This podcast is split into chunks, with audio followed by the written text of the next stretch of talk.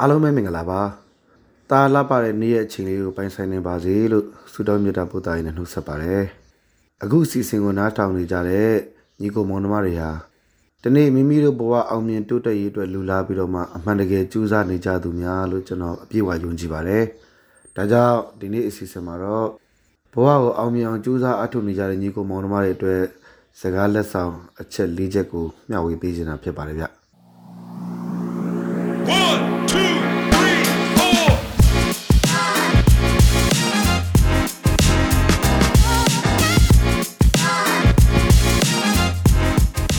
မင်္ဂလာပါရှင်ရေရေမုံမုံပို့ပို့ပပရဲ့အပတ်စဉ်ပုတ်တူဟူးနေ့မနေ့10:00နာရီတိုင်းတင်ဆက်နေကြဖြစ်တဲ့တက်သစ္စာလူငယ်ကဏ္ဍကနေကြိုဆိုလိုက်ပါရယ်ဒီ podcast ကတော့မြမလူမှုနယ်ပယ်ကစိတ်အားတက်ကြွပွဲဇလန်းစုံကိုအများသူငါကိုမတန်ဆွမ်းမှုအသိပညာညှင့်တင်ပေးဖို့အတွက်လွတ်လပ်တဲ့တွေးခေါ်ဆင်ခြင်နိုင်မှုတွေနဲ့မျှဝေလိုကြသူတွေရဲ့အသံတွေကိုပြုစုပြောထောင်ဖို့တည်ထောင်ထားခြင်းဖြစ်ပါတယ်။။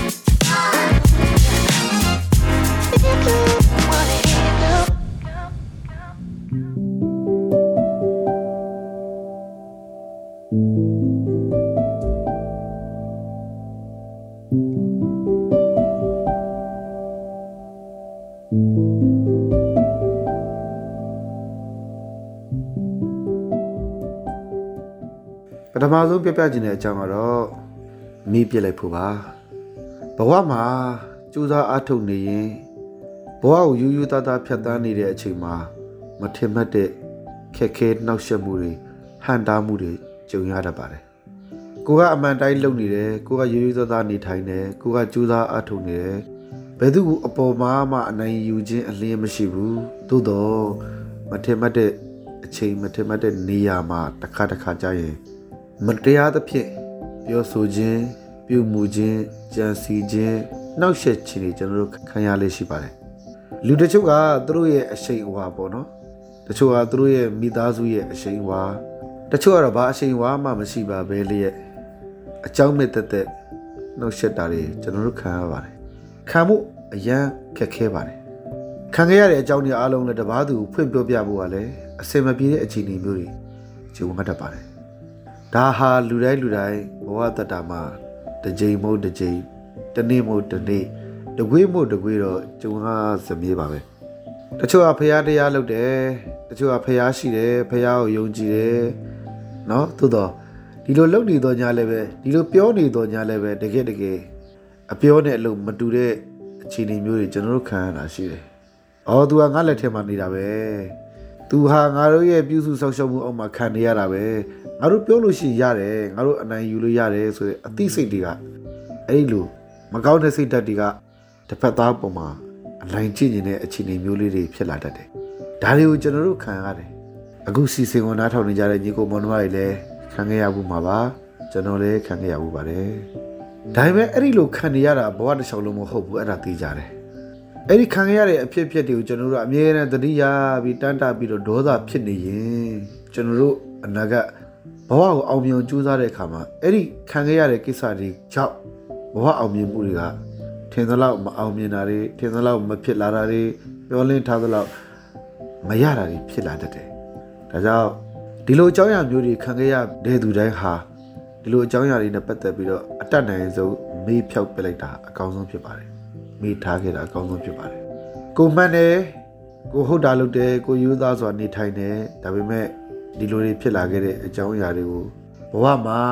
မလိုချင်တဲ့အရာတွေအဖြစ်လက်ခံမယူဘဲနဲ့အတတ်နိုင်ဆုံးမေ့ထားလိုက်တနည်းအားဖြင့်ဥပိ္ပခာပြုတ်ထားလိုက်အဲ့ဒါအကောင်းဆုံးလို့ကျွန်တော်ကတော့အကြံပေးချင်ပါတယ်ဒါတွေကိုမမေ့ထားနိုင်တဲ့ကာလပတ်လုံးကျွန်တော်တို့စိတ်ထဲမှာရှိနေတဲ့များကာလပတ်လုံးဒီပေါ်မှာဆွဲလမ်းမိမယ် ဒေါသအရှိန်အဟုန်တွေပါလာမယ်အဲ့ဒါဆိုရင်ကျွန်တော်တို့အနာဂတ်ဘဝသွားတဲ့အခါမှာဒီခံခဲ့ရတဲ့အရှိန်ကြောင့်ဆက်ပြီးတော့ရှိနေမယ်ဆွဲလန်းစိတ်နဲ့ဒေါသစိတ်တွေဟာကျွန်တော်တို့ဘဝအနာဂတ်ကိုသွားတဲ့ခီးလန့်တွေအနှောက်အယှက်ပြန်ဖြစ်လာနိုင်ပါတယ်ဒါကြောင့်ဥပိ္ပခာတရားကိုရှေ့တန်းတင်ပြီးတော့မှမေးပြလိုက်တာအကောင်းဆုံးလို့ကျွန်တော်အနေနဲ့ပထမဆုံးချက်ကလေးပြောပြချင်ပါတယ်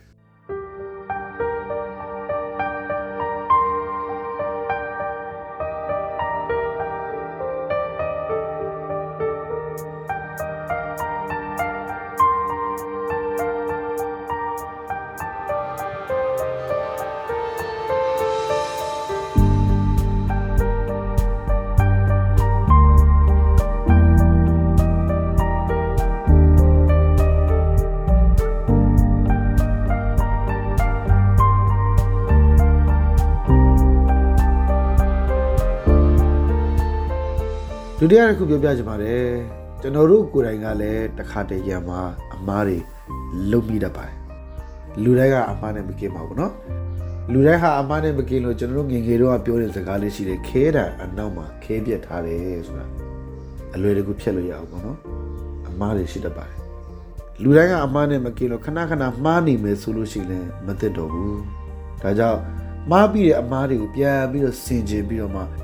နောင်တစ်ချိန်မှဒီလိုထပ်ပြီးမမှားရအောင်ငါတော့ဘယ်လိုဆင်ခြင်ရင်ကောင်းမလဲဘယ်လိုပြုတ်ပြနေထိုင်ရင်ကောင်းမလဲဘယ်လိုဘဝအတ္တတာကိုပြန်လဲတီးဆောက်ရင်ကောင်းမလဲဆိုတာကိုတည်တည်ချာချာကျွန်တော်တို့စဉ်းစားဆင်ခြင်သုံးသပ်ပြီးတော့အသက်ရှင်ဖို့အရင်ရည်ကြည့်ပါတယ်ဘယ်နေရာကမှားသွားတာလဲဘယ်နေရာမှာလိုအပ်ချက်ရှိသွားတာလဲတစ်ခါတစ်ခါကျရင်ကျွန်တော်တို့ကမထင်မှတ်တဲ့အမှားတွေဖြစ်တတ်ပါတယ်တစ်ခါတစ်ခါကိုကိုယ်တိုင်ကမသိလိုက်တဲ့အမှားတွေရှိတယ် တစ်ခါတစ်ခါကိုသိတော့သိတယ်ဒါပေမဲ့မရှောင်နိုင်တဲ့အမှားတွေရှိတတ်တယ်အဲ့ဒီအမှားမျိုးတွေထပ်ထပ်ပြီးမဖြစ်ရအောင်ကျွန်တော်တို့စင်ကြင်နိုင်ဖို့အရင်အရေးကြီးပါတယ်ဒါကြောင့်ကိုကျူးလွန်ခဲ့တဲ့အမှားတွေကိုတော့နေပြဖို့မသင့်တော့ဘူးအနာဂတ်ကိုယ့်ဘဝဖွံ့ဖြိုးတိုးတက်ရေးအတွက်အဲ့ဒီလိုမှားခဲ့တဲ့အမှားတွေကိုသင်ခန်းစာယူပြီးတော့သိဆောင်သွားဖို့လိုပါတယ်အမြဲတမ်းသတိရပြီးတော့မှ သတိထားပြီးတော့မှထတ်ကာတလဲလဲအမှားမကျူးလွန်ဖို့တော့ကိုကျွန်တော်တို့ကဒီအမှားတွေကိုမေ့ပြလိုက်လို့မရဘူးသူတို့ကတော့ယူသွားပြီးတော့မှအနာဂတ်ဘဝတစ်လျှောက်လုံးနဲ့သိဆောင်သွားပြီးတော့မှသင်ခန်းစာယူဖို့ဖြစ်ပါတယ်ဒါဒုတိယတစ်ချက်ပါ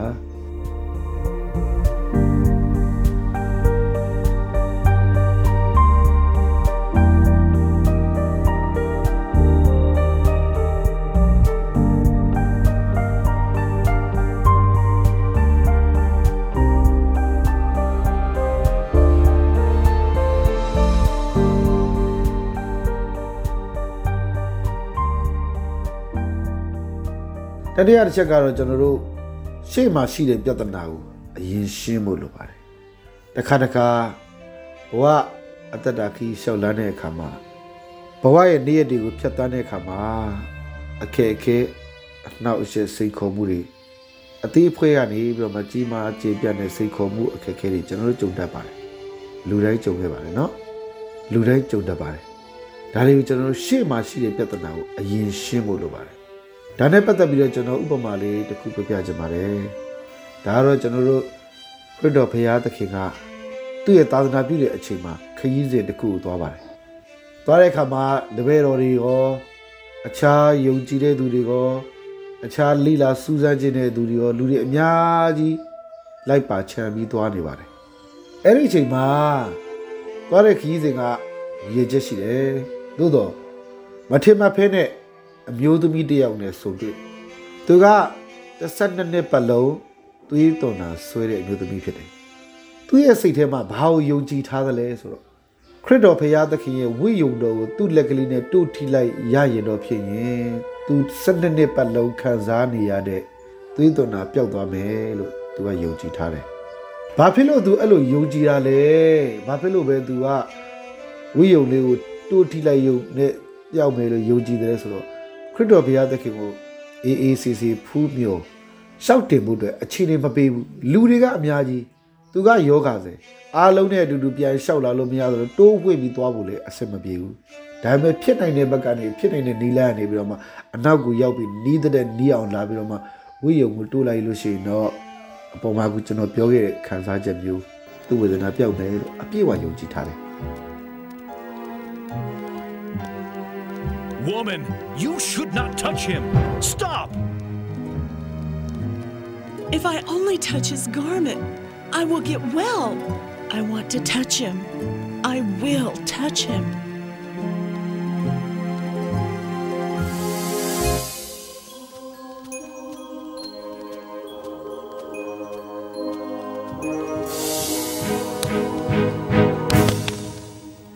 Oh, my Lord, I'm tired. Please help me. အဲ့ဒီလိုယုံကြည်တဲ့အတိုင်းပဲလူအုပ်ကြီးကြားတဲ့ကနေအတန်တန်တို့တိုးဝေပြီးတော့မှခရစ်တော်ဘုရားသခင်ရဲ့အထံတော်ကိုနီးတဲ့တဲ့နီးအောင်ကြိုးစားအထုတ်ခဲ့တယ်။နောက်ဆုံးတော့ဝိယုံတော်ကိုလက်နဲ့တိုးထိခွင့်ရခဲ့ပါတယ်။အဲ့ဒီအချိန်မှာပဲဘုရားကသိတယ်ခရစ်တော်ဘုရားသခင်ကသိတယ်။ဘုရားသခင်ကသိတယ်။သိတဲ့အချိန်မှာတပည့်တော်တွေကိုလှမ်းပြီးတော့နေလိုက်တယ်။ ငါဝိယုံကိုဘယ်သူတွေ့တာလဲတပည့်တော်တွေကသခင်ဗျာလူတွေအဲ့လောက်များနေတဲ့အတွက်ကြောင့်တယောက်နဲ့တယောက်တို့ပြီးထိမိတာကိုဝိယုံတွေ့တယ်လို့ပြောတာလားဆိုပြီးတော့မှဘုရားကိုကဲ့ရဲ့တဲ့သဘောနဲ့အထင်သေးတဲ့သဘောနဲ့မိတာရှိတယ်ဒါပေမဲ့ကိုရောဘုရားကဒါကိုသိကြလေဘုရားပဲเนาะတပည့်ညွတ်တာညံတော့ရှင်မယ်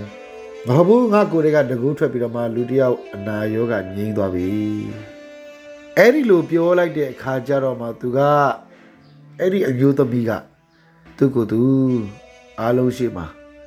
အားလုံးသိအောင်လို့ဘုရားကိုလည်းစကားပြောခွင့်ရသွားတယ်ဘုရားကလည်းသူ့ကိုအချိန်ပေးမြတ်သူ့ရဲ့ယုံကြည်ခြင်းဟာသူ့ရဲ့အနာကိုငြိမ်းစေပြီဆိုပြီးတော့မှအာမခံပေးတယ်တနည်းအားဖြင့်ခရစ်တော်ဘုရားနဲ့သူစကားပြောခွင့်ရတယ်သူ့ရဲ့ဘဝအခြေအနေမှန်ကိုရှောက်တင်ခွင့်ရသွားတယ် Who touched my clothes? You see the crowd pressing in on you. How can you say, Who touched me? Someone touched me, for I noticed that power had gone out from me.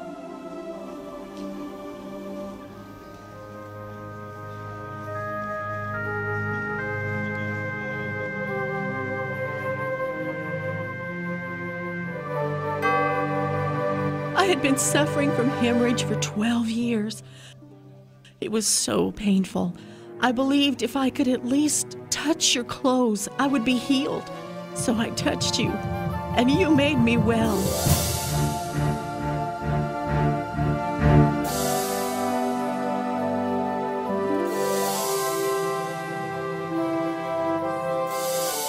Take heart, daughter. Your faith has made you well. Go in peace. My Lord, my God. My Lord and my God.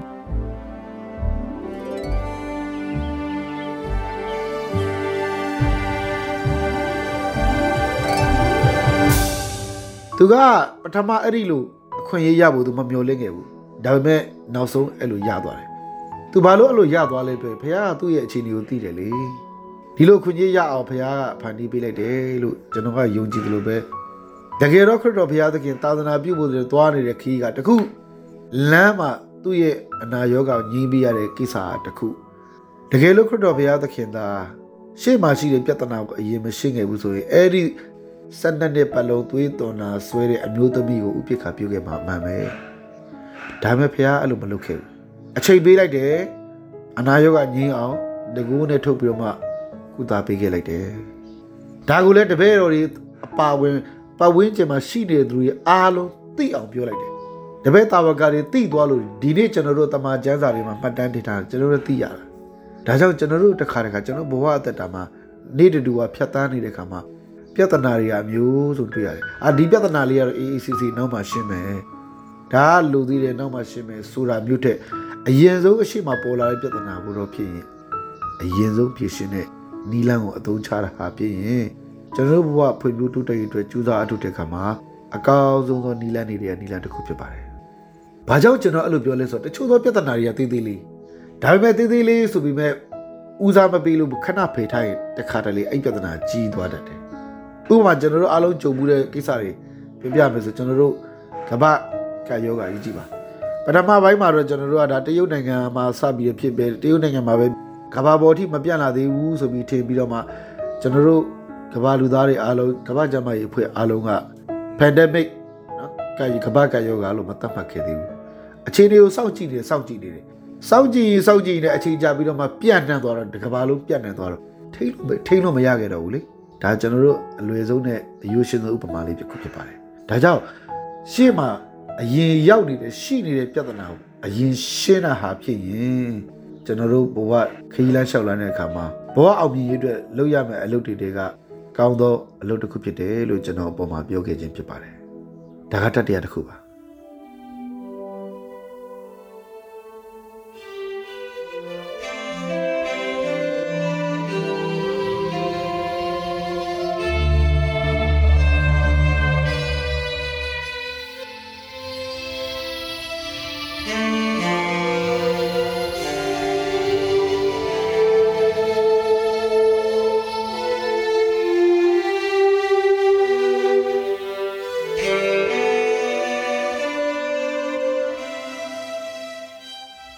ရုတ်ထားနဲ့နောက်ဆုံးတစ်ခုပြောပြချင်ပါတယ်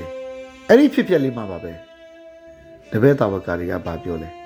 ခရစ်တော်ဖခင်ကိုအထင်သေးတဲ့အမြင်သေးတဲ့ကဲ့ရဲ့ခြင်းတဲ့သဘောနဲ့လူတွေအဲ့လောက်များနေလို့တယောက်တယောက်ထိမိခိုင်းမိတာကိုငါ့ကိုဘယ်သူတို့တယ်လဲလို့မေးသလားဆိုပြီးတော့မှလူတွေကလေတစ်ခါတစ်ခါအပြစ်တင်တတ်တယ်နော်လူချင်းချင်းတော့မပြောနဲ့ဖခင်တော်အပြစ်တင်တတ်တယ်နော်လူရဲ့သဘောတဘာဝကျွန်တော်တို့လည်းအဲ့ထက်မှပါပါတယ်လို့တစ်ခါတည်းရတစ်ခါတည်းရလို့ဆိုလိုတာပါနော်အဲ့တော့ တတ်နိုင်တယ်များကျွန်တော်တို့ဘဝတတာရှောက်လန်းတဲ့ခါမှာတစ်ဖက်သားရဲ့အခြေအနေကိုမသိပဲနဲ့အခြေအနေကိုတိတိကျကျနားမလည်ပဲနဲ့ဖခင်သခင်ဘာကြောင့်ဒီလိုပြောလိုက်တာလဲဘာကြောင့်ဖခင်ကဒီလိုနှုတ်ထွက်စကားနဲ့ဒီလိုပြောပြီးပြောလိုက်ရတာလဲဖခင်ဘာကိုသိလို့ဒီလိုနှုတ်ဝက်တာလဲ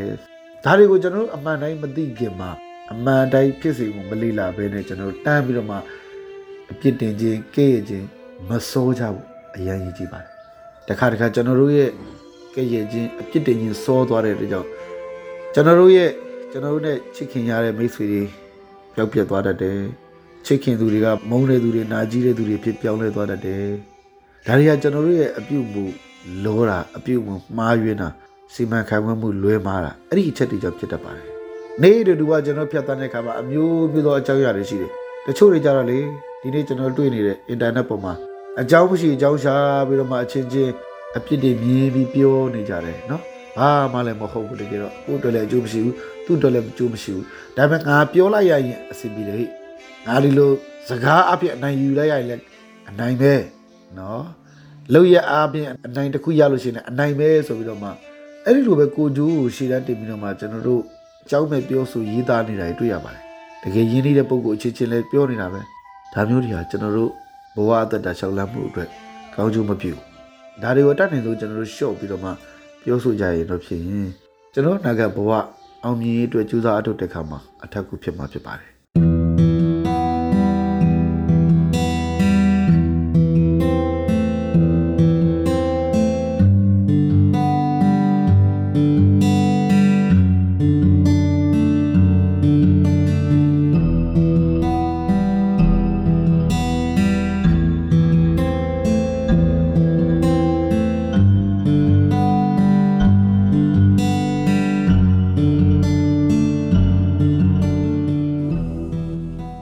ပြောခဲ့တဲ့အချက်၄ချက်ကိုပြန်ပြီးချုပ်ပြီးပြောချင်ပါတယ်ပထမတစ်ချက်ကကျွန်တော်တို့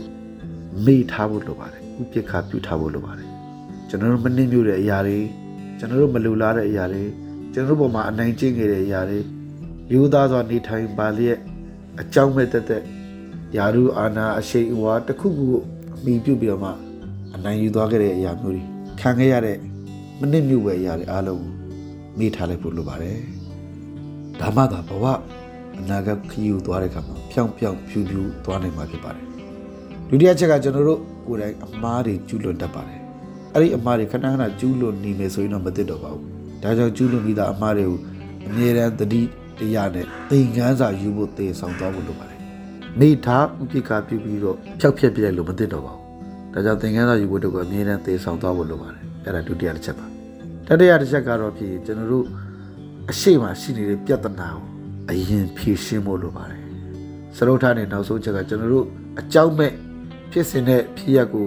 ကောင်းစွာမလေးလာပဲနဲ့လီလာစေခြင်းသုံးသက်ခြင်းမရှိပဲနဲ့အပြစ်တင်ခြင်းကဲ့ရဲ့ခြင်းစိုးဖို့မသင့်တော့အပြစ်တင်ခြင်းနဲ့ကဲ့ရဲ့ခြင်းတွေအပြစ်ပြောခြင်းတွေကိုအတတ်နိုင်ဆုံးကျွန်တော်တို့ရှော့ချပြပြီးတော့မှဘဝကိုတိဆောက်ကြရင်ဖြင့်အောင်မြင်တဲ့ဘဝတတတာကိုဉာဏ်နိုင်သမျှမြန်ပြီးစိုးလင်စွာရောက်ရှိမယ်လို့ကျွန်တော်ပြေဝယုံကြည်ပါတယ်ဆိုတဲ့အကြောင်းတွေကိုဒီနေ့ ဒီစီစဉ်ဝနားထောင်နေကြတဲ့ညီကိုမောင်နှမတွေကိုစကားလက်ဆောင်ပေးပါတယ်အစအဆုံးဒီနားထောင်ပေးကြတဲ့အတွက်ကျေးဇူးများတင်ပါတယ်ဗျ